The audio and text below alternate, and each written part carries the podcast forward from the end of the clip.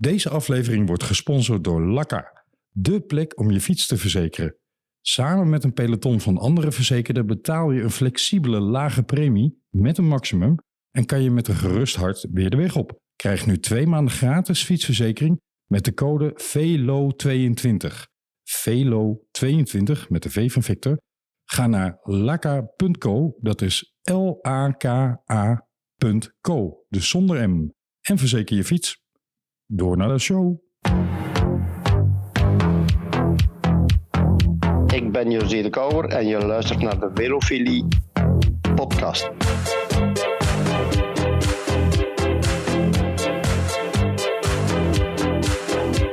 Ik ben Peter Winnen en je luistert naar de Velofolie podcast. De Velofilie podcast.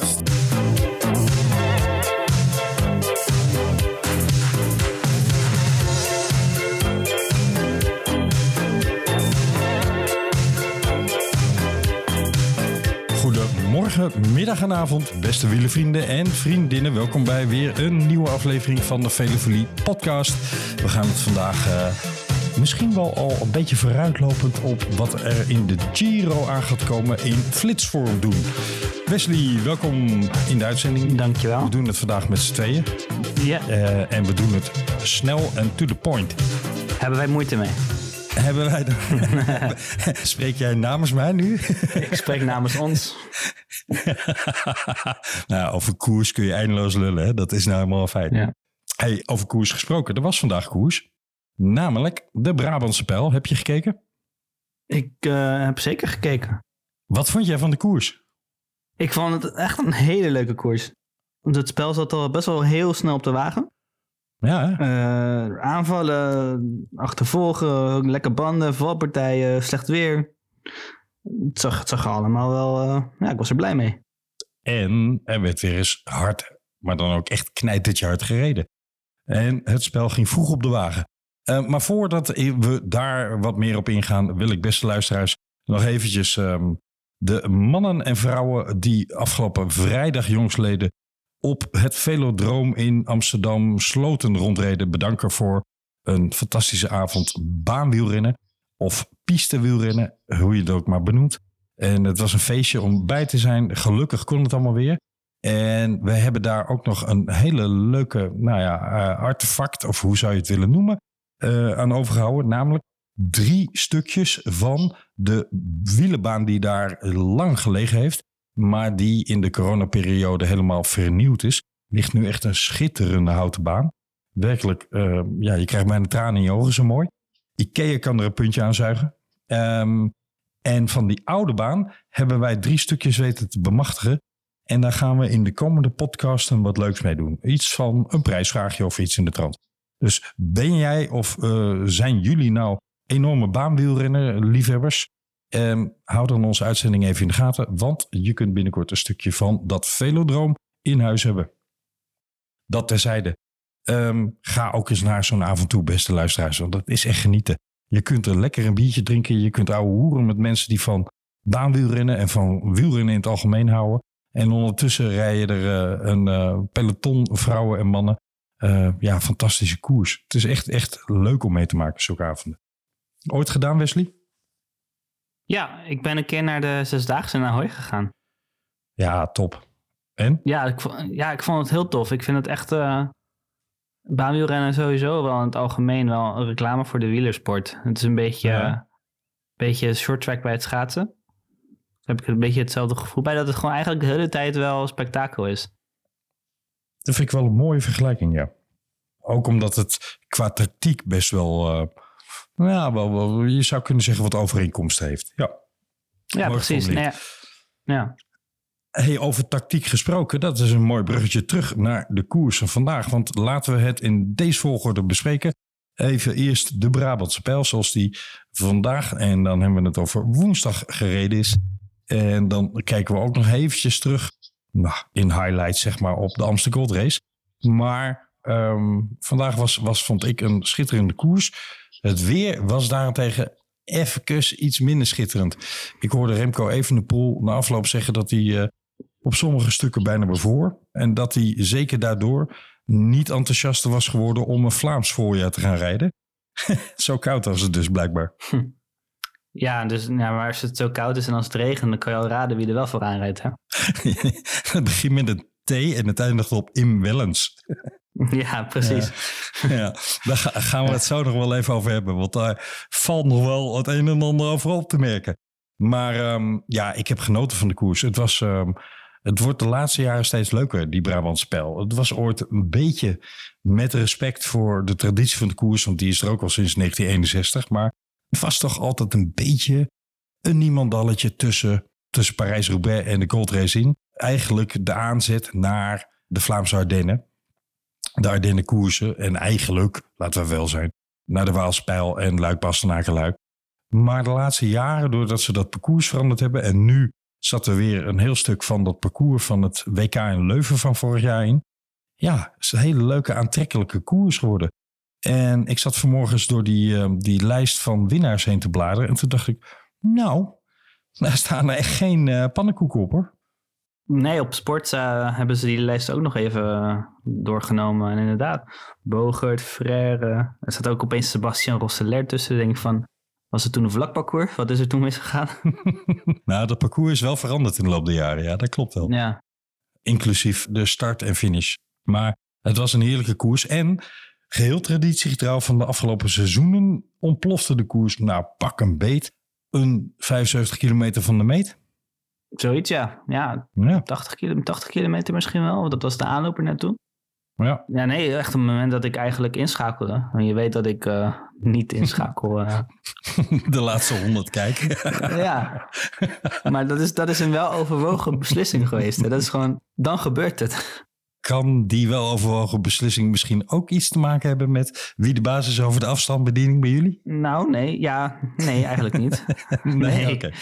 Nee, nee. Het, het wordt gewoon economisch bepaald, zeg maar, de, de factor tijd. Ja, nou ja, en ook eh, nee, als we het over economische overwegingen hebben, hè, elektriciteit.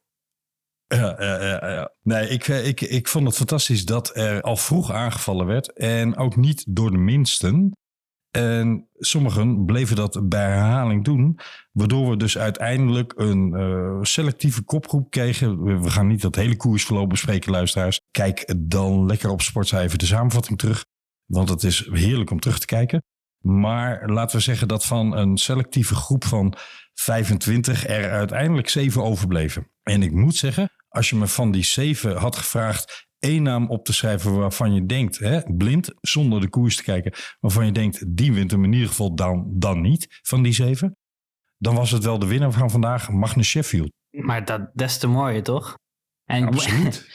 je, moet ook, je moet ook weer niet gaan beweren dat het, eh, dat het kwam door geweldig eh, koersinzicht of, eh, of dat hij iedereen eraf gereden heeft. Hij, Hij was, Hij- ik, vond, hij- ik vond hem volkomen verdiend hoor, die overwinning. Maar hij sloop weg en dat heb jij nooit meegemaakt, Wesley. Misschien heb je het ooit in een archiefje of zo gezien. Maar in 1985 werd Joop Zoetemelk wereldkampioen. En die had zo'nzelfde, een beetje vieze, ja, niet eens een demarage gewoon.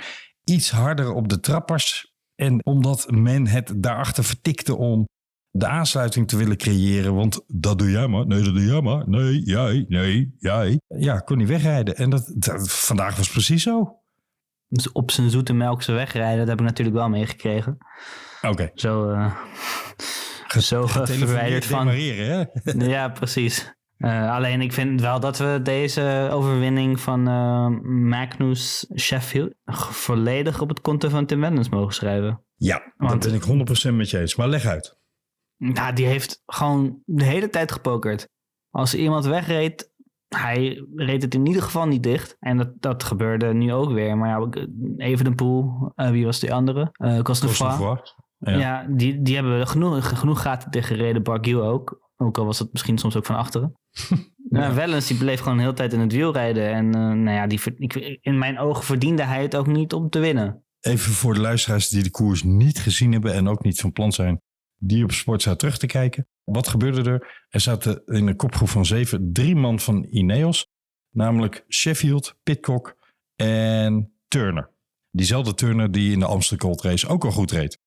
En die Turner en die Sheffield, die waren eigenlijk misschien wel de sterkste mannen uit die kopgroep. Kunt misschien nog zeggen dat Evenepoel daar op zijn momenten op het parcours ook bij hoorde. Maar die had ook, uh, zeker op de kasseien klimmetjes, had hij uh, ja, veel moeite. Te licht, hè? Uh, maar hij zocht ook het gootje niet op, wat de rest wel deed. en dat kostte hem tot twee keer toe ja, dat hij moest lossen op een klim met kasseien. En vervolgens de aansluiting weer moest creëren. Nou, dat heeft zeker kracht gekost. Dus ja, je mag zeggen dat Ineos het overwicht in die kopgroep had. Numeriek, gewoon door de aantallen, maar ook omdat misschien wel de twee sterkste mannen in koers bij Ineos rondrijden. En er gebeurde op een moment iets. Magnus Sheffield zit op kop en die zet een klein beetje aan. Niet eens echt. Hij komt volgens mij niet eens uit het zadel, als ik me goed herinner. En Tim Wellens zat in zijn wiel. En die liet een gaatje vallen van, nou, wat was het? Vijf, zes, zeven meter. En toen keek hij naar zijn uh, linkerkant en daar zat Cosnefroid en die dacht, ja, maar jij zat in zijn wiel. Dan poef jij dat gat ook maar dicht. En die keken elkaar nog eventjes een paar seconden aan. En toen nog een paar seconden. En toen was het gat 20 meter, maar nog steeds overbrugbaar. En vervolgens dachten die andere twee mannen van Ineos, dat is mooi, als jullie niet reageren, dan gaan wij er wel als stoorzender voor zitten. En toen was het gat ineens 100 meter. En vervolgens hebben ze die hele Magnus Sheffield nooit meer teruggezien. En die was eigenlijk tot zijn eigen verbazing ineens solo op weg naar de overwinning. Want die keek op een gegeven moment achterom en dacht ook: hé, hey, er zit niemand in mijn wiel. Hele wonderlijke manier van wegrijden. Maar nog wonderlijker dat Tim Wellens een gat van 6, 7 meter vertikte dicht te rijden. en als het nou ook nog het uh, zevende gat was geweest dat hij had dicht te moeten rijden, dan had ik het nog wel ergens kunnen begrijpen. Maar ja, exact. hij heeft helemaal niks, uh, niks dichtgereden. Maar wat ik, wat ik nog het leukste vond van, uh, nou ja, demarage, laten we het even demarage noemen, uh, mm. van, van Sheffield, is dat hij toen, nou, misschien had hij 10 of 20 meter, dat hij toen het gebaar maakte met zijn elleboog van neem eens over. maar er zat iemand, ja, precies. Ja, maar er zat, er zat iemand tussen wiel. hij had het gewoon, en, en terecht, hij had het zelf niet door. Ja, hij had geen idee. Dat was mooi. Ja, maar dat was ook omdat het een voorkomen ja, uh, atypische manier van demareren was wat hij aan het doen. Hij demareerde niet. Nee. Wellens liet gewoon een gat vallen. Maar ik snap ergens wel een beetje wat Tim Wellens parter speelde. Laten we het zo zeggen, Tim Wellens heeft nogal wel eens last van de omstandigheden. En vandaag was het, dat zeiden we in de inleiding al, terecht. Het was beestenweer en dus Tim Wellens weer. Dan zit die Jan Dori in de, in de kopgroep. En dan rijden er ineens drie mannen van Ineos, die ook nog eens de sterkste in koers lijken te zijn. Dan ga ik ook wel een beetje twijfelen aan, aan mijn winstkansen als ik Tim Welle zou zijn. Want dat is nou eenmaal geen veel winnaar, laten we eerlijk zijn. Maar bovendien speelt natuurlijk mee dat die ploeg van hem, Lotte Soudal, in degradatienood is. Hè? Die, die, die kunnen alle punten gebruiken. Dus dat hij zijn krachten probeert te sparen, dat snap ik helemaal. Maar dit was wel zo evident de verkeerde manier van bluffpoker, laten we het maar zo noemen. Hij had maar een heel klein aanzetje hoeven doen om gewoon weer in zijn wiel te zitten. Ja, nou ja, het is zonde. En ja, uiteindelijk uh, verpest hij ook nog eens uh, de punten die hij wel had kunnen binnen, binnenslepen. Dus uh, nou, slechte beurt van uh, Timmeke. Wat gebeurde er? Van die zes man die overbleven, gingen we naar een sprint toe. En dat was ook een beetje een chaotische sprint. Maar Tim Welles trok hem aan en die uh, zwieberde echt letterlijk van links naar rechts, of andersom, van rechts naar links over de baan voor de kijkers. En trok in zijn wiel, want die zat zo'n beetje naast hem, Cosnefroid mee. En daarachter probeerde Remco even de pool zijn sprint op te zetten.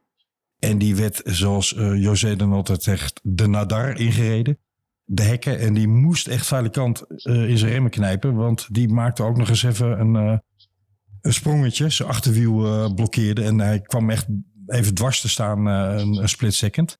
Dus die sprint van Evenepoel volledig naar de knoppen.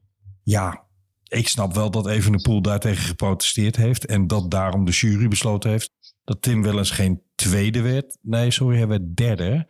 Want Kostenvrouw won ja, dat sprintje. Ja.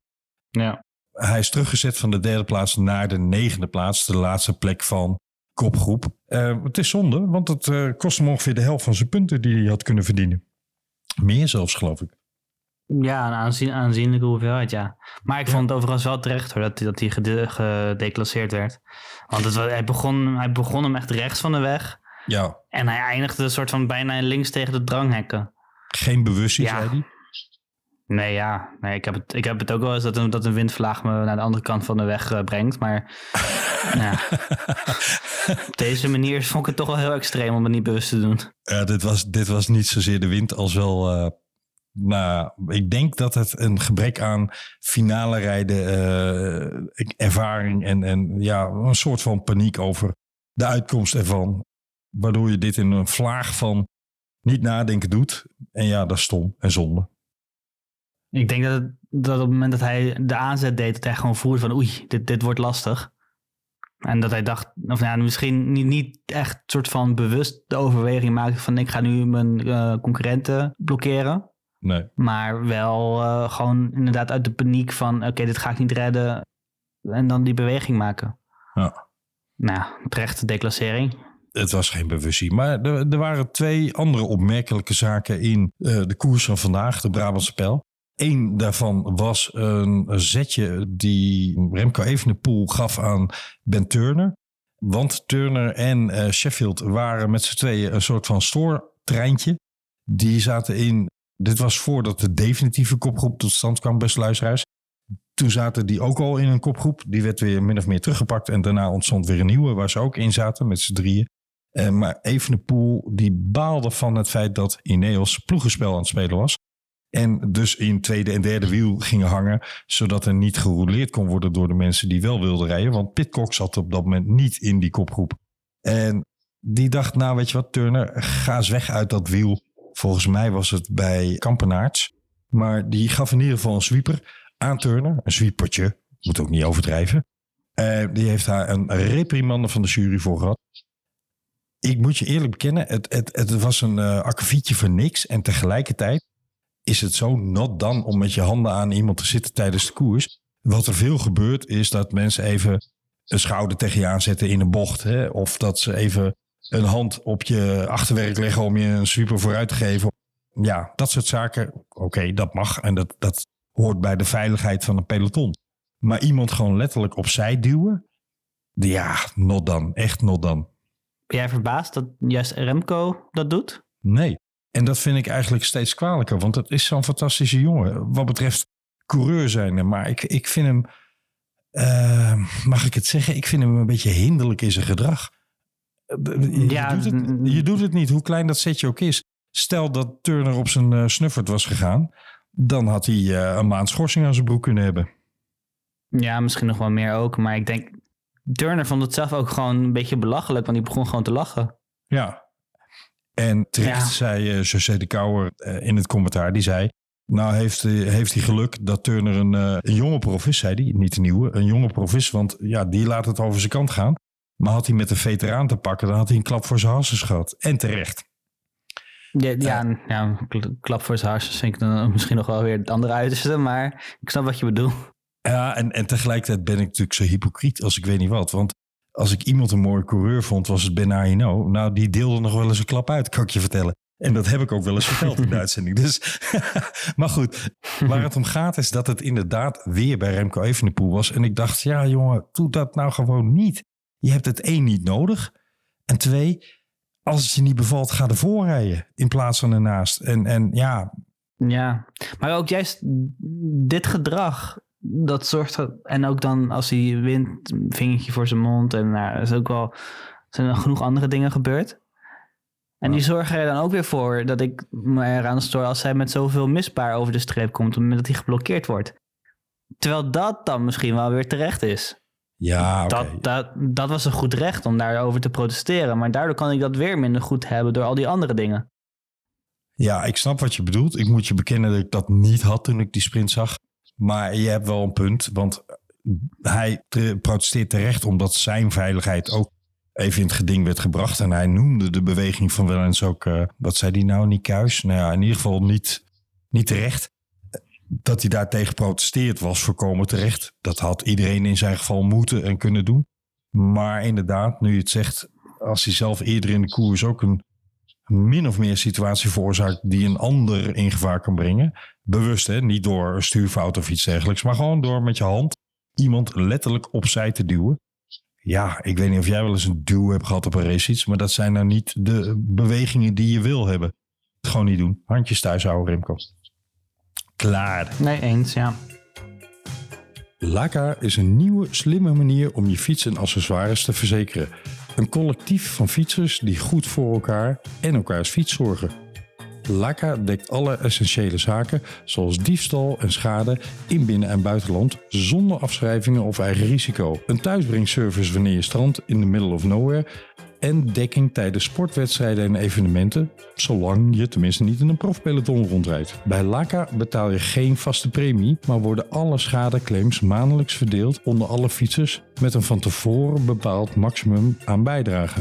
Hierdoor varieert je premie en betaal je nooit te veel. Zijn er in de maand geen claims? Dan betaal jij en de rest van het collectief helemaal niets. En dat is wel zo eerlijk. Laka is 100% flexibel en dat betekent je hebt geen vast contract of je kunt je verzekering pauzeren wanneer je bijvoorbeeld een blessure hebt of in de winter überhaupt niet op de fiets zit. En schade? Dan wordt dat meestal binnen één dag afgehandeld. Of je nou een e-bike, een gravelbike of een racefiets hebt, Laka's leden besparen elke dag op een fietsverzekering en dat is geld dat besteed kan worden aan andere dingen, zoals spullen voor je fiets. Krijg nu twee maanden gratis Laka fietsverzekering met de code VELO22. Ga naar laka.co, L-A-K-A.co en verzeker je fiets.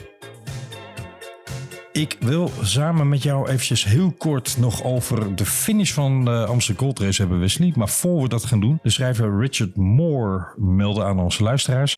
We hebben eerder een leuke aflevering gemaakt. Mag ik dat zeggen? Ja, dat mogen wij zeggen. Een leuke aflevering gemaakt van een boek van hem, Slaying the Badger. Die, die kunnen jullie terugluisteren. Dat gaat over de Tour van 86, de grote strijd tussen Benahino en Craig LeMond. En Richard Moore was een oud profrenner zelf en heeft daarna een journalistieke carrière gehad. Bij verschillende grote kranten geschreven, de Times, een aantal top uh. En heeft uiteindelijk de Cycling Podcast opgezet. En daar zullen jullie misschien ook wel van kunnen kennen.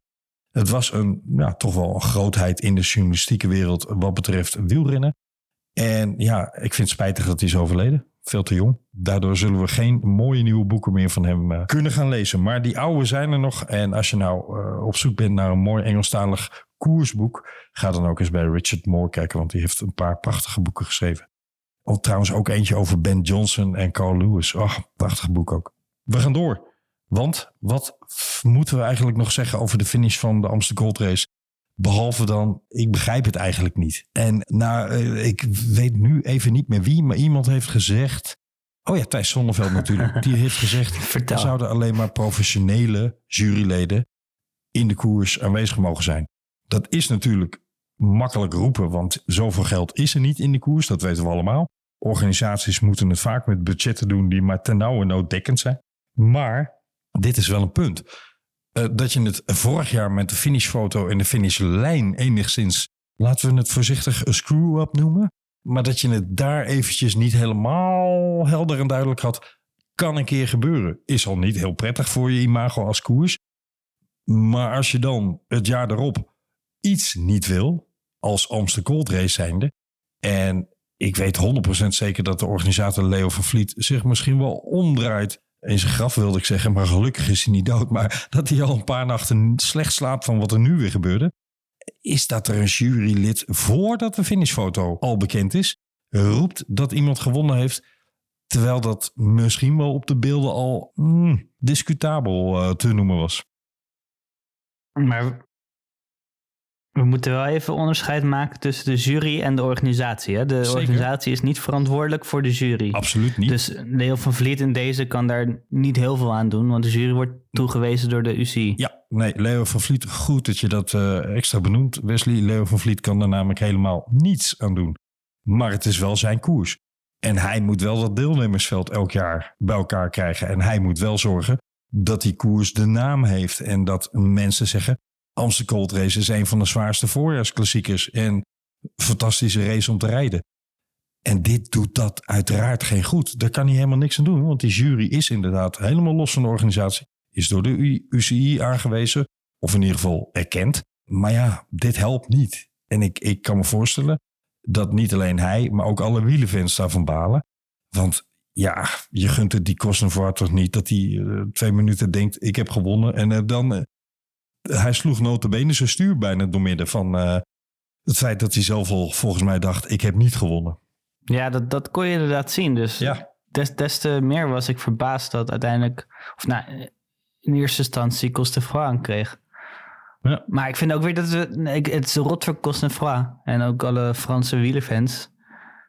Maar we moeten het uiteindelijk ook weer niet groter maken dan het is. Het was een individuele fout van een, een, jurylid. Mhm.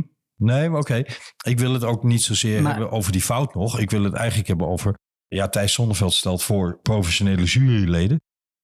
Ja, eh, voor de mensen Ja, die, die maar- Formule 1 volgen... die weten dat er ook bij Formule 1 eh, gedoe is over juries. Baancommissaris, hoe je het ook wilt noemen. Dus is, is dat iets waar nu naar gekeken moet gaan worden... om dit soort zaken te voorkomen? Misschien wel. Nou ja, alle, alle gedoe met de VAR bij het voetbal. eh, dat zijn mensen die eh, duizenden euro's per wedstrijd betaald krijgen en dat soms nog niet zien. En dan te laat Dus ik weet nou niet of... Ja, eh, ja. En wanneer ben je professioneel jurylid? Eh, Moet je dan een opleiding jury entertainment volgen of zo? Geen idee. wat, wat, wat kan ik me daarbij voorstellen? Ik vind dat, ik vind dat vaag. Ik vind Ja. dat wel heel makkelijk roepen, maar dat zei je zelf ook al. Ja, ja, ja. Nee, het, het, was uiteraard een, eh, een luchtballonnetje. Maar ik vind het wel iets om, om met z'n allen eens over na te denken. Want ja, je moet wel voorkomen dat dit soort zaken ontstaan. En we gaan er verder ook inderdaad geen groot punt van maken. Het was, vond ik, een beetje een smetje op een koers. Die voor de rest, ja, ja. mm, Ik moet wel zeggen, de Amstel terugdenkend en eh, vandaag de Brabantse pijl in gedachten. Dan is er wel één ploeg evident sterk aan het rijden op dit moment. En dat is Ineos. Zeker. Die hebben echt een ontwikkeling doorgemaakt die natuurlijk al vorig seizoen in gang werd gezet. Ja. Eigenlijk met het weggaan v- van Froome en, en diens bijbehorende trein. Maar je merkt dit seizoen echt heel erg dat ze vol in die filosofie, die nieuwe filosofie geloven. En eh, nou ja, vandaag ook weer aanwezig met drie man in de kopgroep. Eh, ik bedoel, dat was eh, vijf, zes jaar geleden niet te bedenken. Nee, absoluut niet. En dan ook terecht, terecht dat ze dan ook de goede, goede resultaten behalen. En ze hebben ook su- superleuke renners gewoon. Ik bedoel, Pit Kok zit er altijd bij. En nu zo'n jong iemand die wint. Nou, ik ben... eh, ik, vind, ik vind het een mooie ontwikkeling. Ja, want dat hebben we nog niet eens genoemd. Maar dat zal inmiddels bij iedereen wel duidelijk zijn.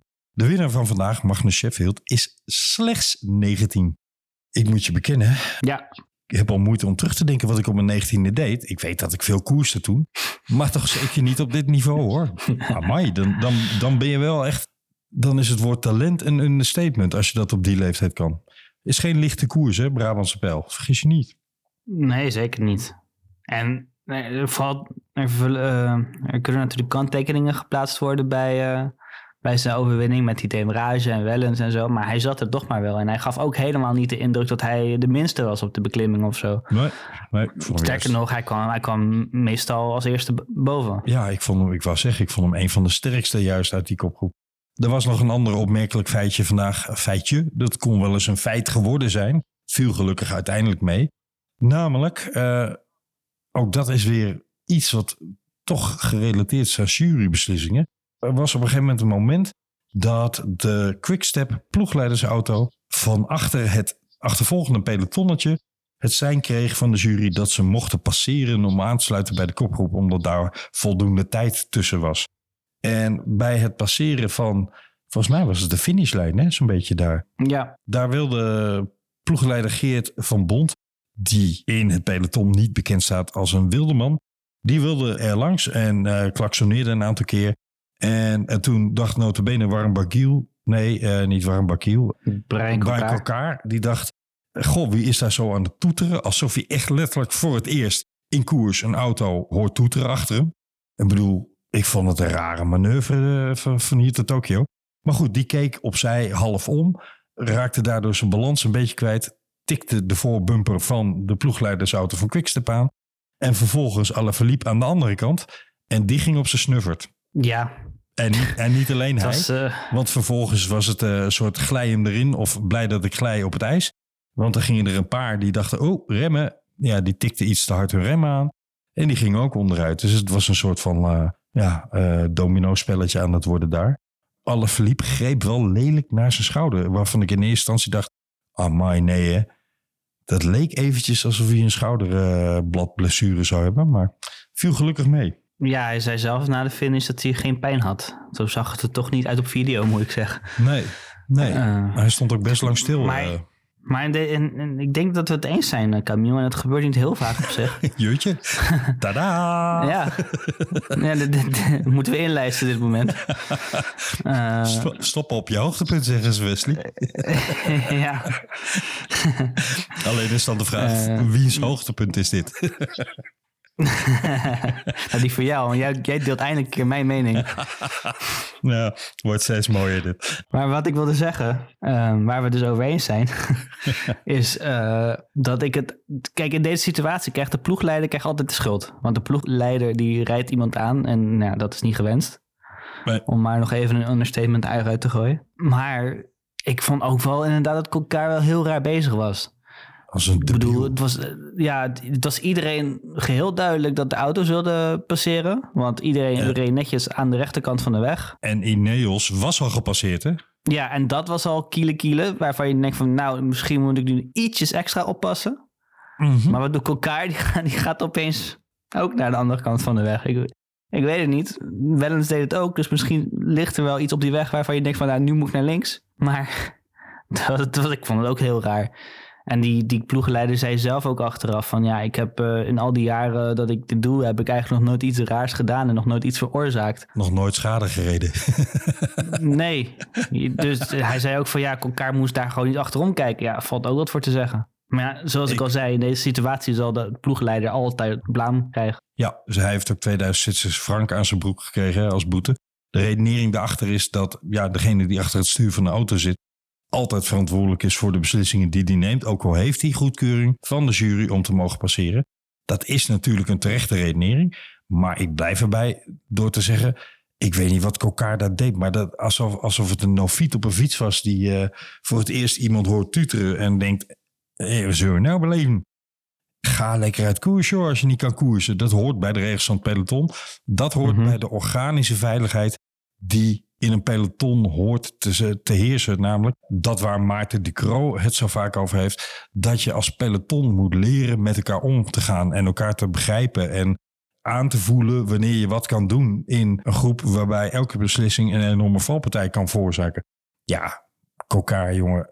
Ik, ik begrijp echt niet wat hij daaraan doen was.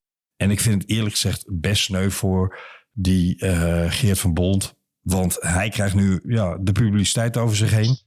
En notabene, zijn kopman ligt door, nou ja, min of meer een akkefietje waarbij hij betrokken is. Ligt daar op het asfalt naar zijn schouder te grijpen. Dat is niet wat je wil, hè? Zeker niet, nee. Spijtig. Nee.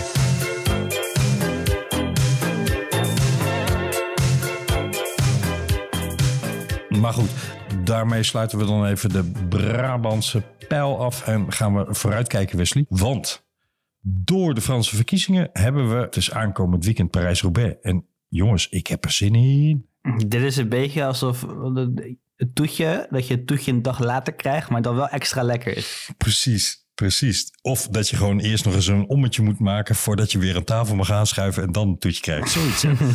Ja, Zoiets, maar, ja. ben weer- ik ben het weer met je eens. Wat gebeurt hier? Het wordt bijna één. Laten wij eens eventjes een paar namen in de eten slingeren, Wesley. En ehm, eens even kijken wat jij daarvan vindt. Op voorhand ga ik je nu de vraag stellen. Wie gaat hem winnen? Matje. Oké. Ja, heel spannend, maar Ja, dan... eh, ja, dan haal je me toch eh, behoorlijk het gas voor de voeten weg. Ga ik iets anders roepen. Wie vind ik de laatste tijd heel sterk rijden? Ik kom er straks op terug. nou, doe niet zo laf. Zeg nou, gewoon- zeg nou gewoon even wie je denkt dat er wint. Nou, weet je wat ik heel erg leuk zou vinden? Maar ik denk niet dat hij gaat winnen. Maar ik zou het wel heel erg leuk vinden. Is als Jenny Vermeers gaat winnen. Johnny Vermeers. Leuk. Eh, Florian Vermeers. Dat dacht ik al. Ja, sorry. Eh, Jenny Vermeers is van eh, Giant Appelsien. Ja. En Florian van Lotte Soudal. Ja, ik gooi die twee wel vaker door elkaar. Nee, als eh, Florian Vermeers van Lotte Soudal, hè, die vorig jaar tweede werd. Als die hem zou winnen, dat zou prachtig zijn. Leuke coureur. Maar ja, Ieder Schelling mag voor mij ook hoor. Hm. Ook zo'n, zo'n ja, ja, leuke naam. Jong, fris. Ja, er zijn er wel meer waarvan ik denk, ah, dat zou leuk zijn. Maar of ze echt kanshebber zijn, dat is maar te betwijfelen natuurlijk. Parijs-Roubaix heeft natuurlijk wel de magie in zich dat er wel eens een verrassing kan winnen. Zeker, Ehm. regelmatig zelfs, ja. Ja, dus mm, wat dat betreft is het niet heel makkelijk te voorspellen deze wedstrijd. Dus eh, nee, ik, ik heb Vermeers ook opgeschreven inderdaad. Wie had in, eh, wat was het, 2003, Servaas Knaven opgeschreven uit de kopgroep van eh, drie ploeggenoten toen? Hmm, ook niet veel, denk ik. Maar ik vond er eentje, ik heb hem vandaag speciaal in de gaten gehouden. Hij heeft zich hier en daar getoond en toen ook wel weer een beetje verstopt. En dat is Matteo Trentin, waarvan ik denk, oeh, die gaat goed zijn, denk ik hoor. Mm, die moesten toch wel heel pijnlijk af bij, eh, bij Matthews, eh, Teuns en Mursen. Ja, Die, dat klopt. die Dat- werd wel echt heel hard gelost daar. Dus. Ja, maar hij rijdt wel eh, mee in de koers. Eh, ja, hij rijdt juist niet mee in de koers. Hij, hij eh, bepaalt mee de strijd. En ik weet niet of het zijn doel was vandaag om in die achtervolgende groep tank even helemaal te legen zo op weg naar Parijs-Roubaix. Sommigen doen dat, hè. die willen nog een Mhm. keer echt diep gaan in koers. En anderen doen het juist niet. Geen idee wat het was. Hij, wap, hij was heel opzichtig ineens weg, dat klopt. Ja, Maar misschien was dat wel gewoon de bedoeling, hè? dat kan. ja ik, ik, heb nog, ik heb nog een andere naam opgeschreven. Mhm. Ghana. Filippo. Ja, Ja. Die heb ik ook op papier staan. Het lijkt net alsof we dit allemaal voorbereid hebben, dat, maar dat is niet zo. Zeker niet. Ja, Filippo Ganna. Eh, maar waarom denk jij, eh, Wesley? nou ja, hij, volgens mij op Strava heeft hij een paar eh, segmenten gereden daar zo ergens in Noord-Frankrijk. En die heeft hij echt als een gek opgereden met een, met een snelheid. En hij heeft natuurlijk ook het postuur ervoor. Hij is stevig, hij is sterk, hij kan hoog vermogen trappen. Dus eh, nou ja, als er één klassieker is die hem zou moeten liggen, dan zou het Parijs-Roubaix moeten zijn op papier. Dus eh, ja, ik ben Ja. benieuwd. Eens. Ik ook. Nog andere? Mike Teunissen, die, ja, die heeft het tot op heden niet heel goed gedaan dit jaar, moet ik zeggen. Heeft niet echt een rol gespeeld in een, in, in een wedstrijd. Maar hij is in Parijs-Roubaix wel altijd op zijn beste. Dat ligt hem gewoon beter, die, eh, die redelijk vlakke stroken, in plaats van al die eh kasseibergjes en heuveltjes. Dus ik ben heel benieuwd, en zeker met, met Wout van Aert, of, of, die al dan niet gaan starten, ben ik benieuwd wat, eh wat Teunissen kan presteren. Heb, heb jij enige bevestiging van zijn vorm dan? Want ik, ik heb het idee dat het daar niet helemaal je van het mee is. Nou ja, hij zit er wel. Kijk, hij maakt niet het verschil in de koers. Dus het- hij, Nee. hij, hij heeft waarschijnlijk niet de beste vorm van zijn leven. Of hij heeft niet getraind op hoogteverschillen. Dat zou natuurlijk ook kunnen. Maar, nou ja, ik weet nog een keer dat hij een keer zevende werd in Parijs-Roubaix of zo. Ik bedoel, hij werd 45ste in de Amstel Gold Race. Nou ja, dat is natuurlijk helemaal niet op zijn lijf geschreven, die wedstrijd. 19 in, Maar eens. de, 19 in de Ronde van Vlaanderen, 12 in de E3-prijs. Ja, Ja, ja. dat is het hè. Hij, hij rijdt onzichtbaar mee eh, voorin, zeg maar. Ja, 14e Eh, Kuurne, maar Brussel dat- Kuurne. Maar dat is ook precies niet voldoende voor Parijs-Roubaix. Of je nou droog of nat ligt, daar moet je niet precies onzichtbaar voorin rijden, maar moet je gewoon in, in de vorm van je leven zijn, om het maar zo te noemen. hey, weet je wie ik denk dat die dat wel is? Stefan Kuhn. Ja, zeker. Dat eh, zou hem ook wel eens kunnen worden. Die rijdt echt een ontzettend goed voorjaar. Jammer voor hem dat hij geen, niet echt een sprint in zijn benen heeft. Anders had hij echt wel nog op prijs kunnen rijden. Want nu moet hij elke keer anticiperen. Hij rijdt heel veel gaten dicht. Eigenlijk een beetje tegen- tegenovergesteld van Wellens dus. Eh, Zelfde rol, andere invulling. ja, Ja. precies. En over, ja, ook toch steeds sterker het voorjaar doorkomend, Michael Matthews. Ik vond hem vandaag ook wel weer, dat ik zeg, nou, dus in, in, in Vlaanderen zeggen ze, die staat op punt. Ja, ja ik had hem in uh, Scorito, had ik hem als kopman. Als, als uh, derde kopman, zeg maar. Hmm. Jammer dat hij de eerste slag uh, miste. Ik weet niet of dat was Ja. omdat hij niet goed was of omdat hij gewoon ver zat. Hij leek daarna wel gewoon... Dan werd hij gelost hoor. Oké, ja. Nou ja, dan... Ja, dat is natuurlijk wel weer wat anders zondag met, met, met die stenen en het bos. Maar ik ben, ik ben heel erg benieuwd naar Michael Matthews. Ja. Hij rijdt goed. Hij geeft zelf aan dat het telkens net even de verkeerde kant opvalt. Maar hij zit er ook wel uh, steeds meer bij. Ja. En over de man waarover geruchten gaan dat Jumbo-Visma met hem in de onderhandeling is. Jan Tratnik. Ja, rijdt ook uh, ik wil niet zeggen de stenen uit de straat, maar moet je niet gaan onderschatten hoor. Die kan er zomaar, eh, kan er zomaar bij zijn. Ja, zeker. Kan ook. Ja, die gaat ook een heel goed voorjaar. Ik ga even een, soort gewetensvraag instellen en dan gaan we het vooruitblik op Parijs-Roubaix afsluiten. Wat mij betreft, tenzij jij daar nog iets aan toe te voegen hebt. Maar laten we nu eens zeggen, we hadden het eerder al een beetje over Quickstep, Alpha Vinyl. Niet hun voorjaar. Jullie zeiden, eh, Quickstep kan zijn voorjaar nog redden als alle verliepen nog een paar mooie koers wint. Maar op dit moment ziet het er toch naar uit dat ook in Parijs-Roubaix ze de inboedel nog een beetje op het droge moeten zien te krijgen. Heb jij iemand waarvan je zegt, ga maar in de gaten houden in Parijs-Roubaix vanuit die ploeg hè? Ja, nou, dan moet ik wel gewoon weer Asgreen zeggen.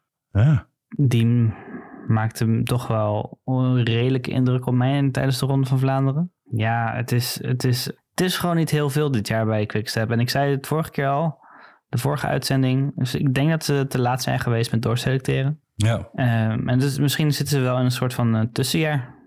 Ja, dat kan best wel een keer voorkomen. Ik bedoel, ze hebben genoeg gewonnen de laatste jaren. En, uh, oh, zeker. Nou. zeker. Ja. Gelukkig heeft uh, Patrick Lefevre voor een paar jaar bijgetekend, geloof ik, met de sponsors. Dus is het niet zo'n jaar waarin alles onderhandeld moet worden. Want anders zou dit wel eens uh, pineut kunnen zijn. Maar um, nee, die zekerheid is er op dit moment wel. Onzekerheid wel ten aanzien van Wout van Aert. Als hij meedoet aan Parijs-Roubaix, hoe schat jij zijn kansen? Ja, in de media zeggen ze dat, uh, dat het, als die start het een uh, dienende rol is. Ja. Maar dat kan ik me eigenlijk niet voorstellen. Ik denk dat het een beetje zand in de ogen gooien is. Als, als Wout van Aert... Dan zou hij voor Laporte moeten rijden. Ja. Nou, dat zie ik ook niet gebeuren. Nee, ja. Als Wout van Aert start, dan gaat hij proberen te winnen. Dat. Of het lukt, dat is een tweede. Ja, ik bedoel, hij is ook in Spanje. Hij is gewoon aan het trainen. Ik denk eigenlijk wel dat het en, en verrassend goed gaat zijn. Ik wou net zeggen, ik acht de kans dat Van Aert in niet 100% doen toch nog beter is dan Laporte. Acht ik best aanwezig. Zelfs al zou hij niet helemaal 100% zijn, denk ik dat hij toch de sterkste man in koers kan worden gewoon. Simpelweg. Ja. Ik heb niet zijn Strava of iets in beeld. Volgens mij gebruikt hij ook geen Strava, maar ik heb niet de cijfers voor ogen wat, wat hij aan het doen is in Spanje. Maar ik denk wel dat hij de zondag gewoon staat. En dat, dat zou mooi ook. zijn, hè? Want dan krijgen we dus hopelijk een prachtige tweestrijd. Misschien wel drie strijd of vier strijd. Zie het voor je. Kopgroepje. Mathieu van der Poel, Stefan Koen, Caspar Askreen, Wout van Aert. En uh, nou, ja. laten we Stratnik of zo erbij gooien. Of Dylan van Baarle, die toch ook niet slecht rijdt. Of Florian Vermeers. Krijg je een le leuk spel hoor. Ik wil gewoon heel graag een keer dat Wout van Aert en Mathieu van der Poel met z'n tweeën die baan oprijden. Dan weer. Mogen ze da daarna mogen ze voor mij heel het zaakje opdoeken. Gewoon heel het wielrennen, gewoon klaar. als, dat gewoon een keer, als dat gewoon een keer gebeurt, dan ben ik blij. Oh, wacht even. Maar dan, wie moet er dan winnen, Wesley? Ja, dat boeit me niet eens. Echt nee? niet. Ik, ik, ik, ben, ik ben fan van allebei. Boeit me echt niet. Dit is echt niet een... Uh, oh, of Messi of Ronaldo of Van Aert of Van der Poel. Ik vind het... Uh, ik, vind, ik, kan, ik kan van allebei ontzettend erg genieten. Daar gaan we hem nog iets aandikken door te zeggen. Dan moeten ze gewoon minuten voorsprong hebben. Zodat ze op de wielenbaan tot een surplus ja. kunnen komen. ja, zeker. Ja. Nee. Dan ben ik blij. Heerlijk. Maar trouwens, Camille, jij net, ik, ik, ik, hoorde iets zeggen. Hm? Iets, iets met een Scorito-pool. Ja. Moet ik nu echt ik, voor de luisteraars gaan benoemen dat je de, dag, de dagwinst hebt gepakt in ons uh, besloten ja, zeker. Ja, moet dat? Nou, bij deze. Ja, ja, ja. Gefeliciteerd. Ja, en, ik zie, en, en ik zie jou ook niet meer op de foto. Dat, dat is wel best wel een groot verschil geworden inmiddels. Wat zei je ook weer laatst tegen mij? Eh, ik ben niet onbescheiden in dingen aan mezelf toe dichten. Kom je uit Amsterdam, Camille? Het was ongeveer de quote, dacht ik, hè? Hmm. Oh ja. Hier zitten toch een paar Amsterdamse trekjes uh, in jou, Wesley. Ja, maar dit, dit, dit is louter op feiten berust. nou, dat kan ik niet ontkennen. Van harte, Wes. Mooie, mooie overwinning gepakt. Um, weet je wanneer die nog mooier was geweest? Als, je Als kost, ik uh, kost, ja. als ja, absolute dus, had. Dus luisteraars, ik heb de dagwinst gepakt. Zonder dat ik Coste Foix, die ik wel in mijn team heb, als kopman heb uh, neergezet. Ja. Dus ik heb ook nog echt een, ja, heel veel punten gemist. Ja, je deed een soort wellensje van uh, ik zit wel in de kopgroep, maar ik wil niet mega winnen. Deze uh, doet pijn. Nogmaals, gefeliciteerd Wes. hey, we gaan hem uh, afronden. We gaan eh, genieten van eh, mooie koers aanstaande zondag. Hopelijk met iedereen gezond van lijf en leden. En zonder hele rare calamiteit zoals we die de afgelopen tijd toch wel regelmatig gezien hebben. Ik wil even Amy Pieters en Milan Vader eh, ja, heel veel sterkte en beterschap wensen. Eh, Kom er goed bovenop mensen. Ehm, en eh, we zien ook vanuit Colombia gelukkig weer positieve signalen verschijnen. Benal zit weer op de fiets, mag weer trainen. Dus ja, dat is prettig om te zien. Laten we hopen dat alles zondag ook heel blijft. En dat we van de koers kunnen genieten. Demi Vollering gefeliciteerd met de Brabantse Spel voor Vrouwen. Mooi gereden, sterk, solo aangekomen. Verdiende overwinning. En eh, we, gaan, eh, we gaan zondag kijken naar zowel de mannen als de vrouwen, Wes. Zeker, ik heb er zin in. En dan melden wij ons daarna weer terug. En weet je waar ik stiekem ook al heel veel zin in heb? En ik ben al wat Italiaanse rode jongens aan het inslaan. De Giro d'Italia, want dat begint toch ook wel in mijn bloed te kriebelen. hè? Die komt weer dichterbij, mensen. En we gaan, Weet, jij, eh, weet jij wie volgende week naar Italië gaat? Ik heb een donkerbruin vermoeden dat jij dat bent. Maar hij start niet volgende week. Nee, dat is ook wel weer pijnlijk, hè? Dus je bent alweer terug tegen de Ja. tijd dat hij start. Ja, ja de Giro d'Italia valt helaas niet eh, samen met het orthodoxe Pasen.